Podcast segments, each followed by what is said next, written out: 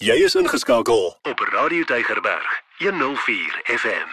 Ek gesels vandag weer met Dr. François Swart, pastorale en kliniese terapeut en ons pak lewenskwessies sommer kaalvuis aan want ons wil eintlik vir jou help en in die proses help ek myself eintlik ook om by 'n punt te kom waar ek kan sê ek kies lewe. Vir jou tyd vandag weer Dr. François, dankie, ons waardeer dit. Dankie, Lorraine, is 'n voorreg om saam met jou en die luisteraars te kuier. Nou Dr. François, ek het met afgryse gekyk na nuusberigte, koerantberigte, radioberigte oor die aantal sterftes weer op ons paaie in hierdie feestyd wat verby is. En ek het probeer om myself te plaas in die skoene van 'n gesin wat op griesame wyse skielik van 'n geliefde ontneem is. Ek kan my eintlik nie daarin dink nie. Dis een manier hoe geliefdes skielik kan sterf.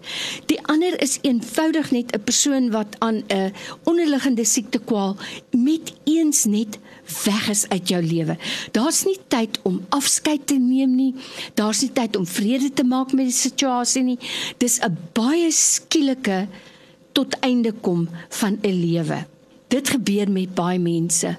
Hoe hanteer mens die skielike sterfte van 'n geliefde of 'n kennis of 'n familielid of 'n kollega? Lorraine, dit is hartseer wat my getref het eh, van hierdie uh, feesseisoen en ek sal graag by die lysie wou voeg verdrinkings. O, oh, ja. En uh, jy's in 'n ja. vakansie atmosfeer en mm. dan skielik word jy met hierdie verskriklike ding gekonfronteer. Mm. Ek het gehou van hoe jy begin het dit om sê ek kan myself nie indink hoe so 'n persoon kan voel nie. Ek dink ons moet baie beskeie wees om autoritair of te lyk asof ons presies weet waar die mense gaan wat skielik so 'n trauma ervaar want dit is trauma mm. op sy beste en wat jy moet verstaan as so iets jou oorkom is dit is nie net die verlies nie. Dit het 'n effek op jou hele bestaan. Jy moet jouself heeltemal heroriënteer emosioneel. Psigies het dit jou 'n uh, maaghou gegee. Self spiritueel vra jy sekere vrae. En dit is in en rondom Kersfees en, en jy sukkel met die Kersverhaal en en veral as jy 'n bepaalde godsbeeld het van God is almagtig en hy beskerm my altyd. Nou waar was hy nou? Mm. Dan kom daar allerlei tipe vrae in ons gemoed en die hele verantwoordelikheidsin van ons as mense as ons in ongelukke beland, het die Here iets daarmee te doen. Ons werk met sy toelatende wil, maar ek en jy het ook 'n verantwoordelikheid. Kom ons kom by die seer. Die belangrike ding is as so iets skielik oor jou pad kom, is jy moet besef dat iets groots met jou gebeur. Mm. En dit wil lyk weet ons ook dat verskillende mense sulke tipe verliese op verskillende maniere hanteer. Elke persoonlikheid hanteer dit verskillend. Verskillende ouderdomsgroepe hanteer dit verskillend. Mans, dames hanteer trauma verskillend. En daarom is dit baie belangrik dat jy sal gaan uitvind by jouself wat het hierdie persoon wat ek nou skielik verloor het watter effek het dit met my en dat jy vir jouself tyd gun om mm. deur jou seer en jou skok nou ons almal weet van Kubler-Ross jy gaan deur 5 of 6 fases Uh, dis altyd handig want sy het meer as 20 jaar se navorsing gedoen rondom hierdie tipe van goed wat ek en jy bespreek as jy met verlies aan uh, gekonfronteer word. Watter effek het dit? En dit is goed om weer jouself op te skerp. Goed, ek sal my met vergewis wat is besig om met my te gebeur en dan vir myself tyd gee om daardeur te werk. Deesdae praat ons van treurtake. Ons praat van rousmart prosedures. Daar is sekere goedes wat jy moet doen. Jy moet begin stap, jy moet eh, net dood eenvoudig meer suurstof oor jou brein kry jy moet jou omring met met ander mense dat jy nie in 'n donkerte insak nie. Mm. Eventueel mag dit wees dat jy dalk gestit moet word met medikasie vir 3 of tot 6 maande onder die supervisie van 'n psigiater of 'n algemene praktisyn. Dit, dit mag wees dat jy met iemand moet gaan praat pertinent.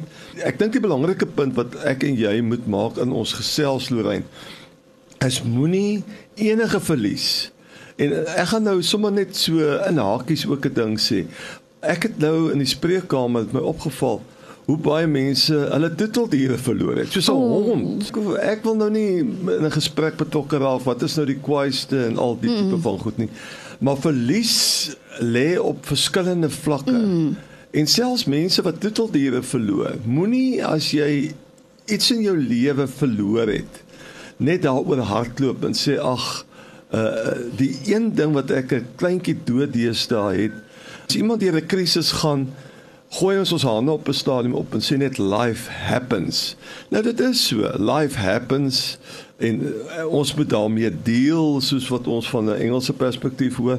Maar ek dink uh, ons moet maar eerlik met ons gevoelens en ons seer omgaan 'n oordentlike belyning daarvan maak en dan deur aksiestappe treurwerk treurtake deur uh, gesprekke deur visualisering hoe ek nou vorentoe my lewe sonder hierdie persoon gaan organiseer hoe gaan ek herfokus hoe gaan ek my herposisioneer watter ander tipe ritmes gaan ek in my lewe kry? Hoe gaan ek nou my sosiale stelsels struktureer? Daar's 'n klomp werk wat deurgewerk moet word om jou by 'n punt te kry dat jy kan sê, "Maar goed, ek slaag min of meer om saam met hierdie gat in my lewe, hierdie verlies op 'n konstruktiewe manier saam te leef."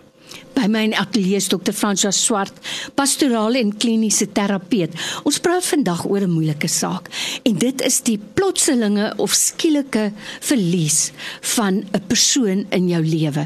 En dokter Fransja soos jy reg ook gesê het, ook 'n troeteldier, dit hang af van mens tot mens. Ons twee troeteldiere se afsterwe vir my in COVID tyd was baie baie swaar. Iets wat ek nou raak luister is dit is nie 'n geringe saak nie. So ek kan maar verbaliseer hoe ek daaroor voel. Die ou ding van cowboys don't cry is nie waar nie. Ek kan maar wys en ek kan sê dat dit my raak. Dis die een ding. Die tweede ding wat ek so bly is wat jy noem is As ek moet hulp kry, moet ek nie sleg voel daaroor nie. As ek met 'n pastorale of kliniese terapeut moet gaan gesels, praat terapie doen, as ek met 'n mediese dokter dalk moet medikasie kry vir 'n tyd om my te help om dit te hanteer, moet ek nie sleg voel of skaam voel daaroor nie. Dit is vir my verskriklik belangrik. En dan 'n opmerking wat ek wil maak. So baie wonderlike uh, organisasies en bewegings het al gebeur uit die afsterwe van 'n geliefde waar 'n persoon besluit ek gaan uit hierdie slegte ding wat gebeur het, gaan ek 'n organisasie stig of ek gaan iets doen om ander mense te help. So dat kan baie positief uitkom, maar dan moet ons dit pertinent gaan soek, nê. Nee. Ja, en ek het nou die dag het iemand omdat ek nou baie met hierdie trauma en goed werk, het 'n persoon vir my gesê, weet jy, hierdie trauma het my so gegooi, dit het my lewe omver gewerp byna vir 2, 3, 4 jaar. En die manier hoe ek daarop mee probeer koop, dit is ek het begin skryf daaroor. Mm. Ek het oor my gevoelens ja. dit uh, op papier gesit en en toe het dit later 'n boek geword. En nou help sy ander mense En dit is so uit die slegte kan daar iets goeds uitkom en jy kan dan vir ander mense met eerstehandse ervaring want ons het mense nodig wat ander mense se se pyn en se swaar saam met hulle partykeer dra en net vir hulle daar is.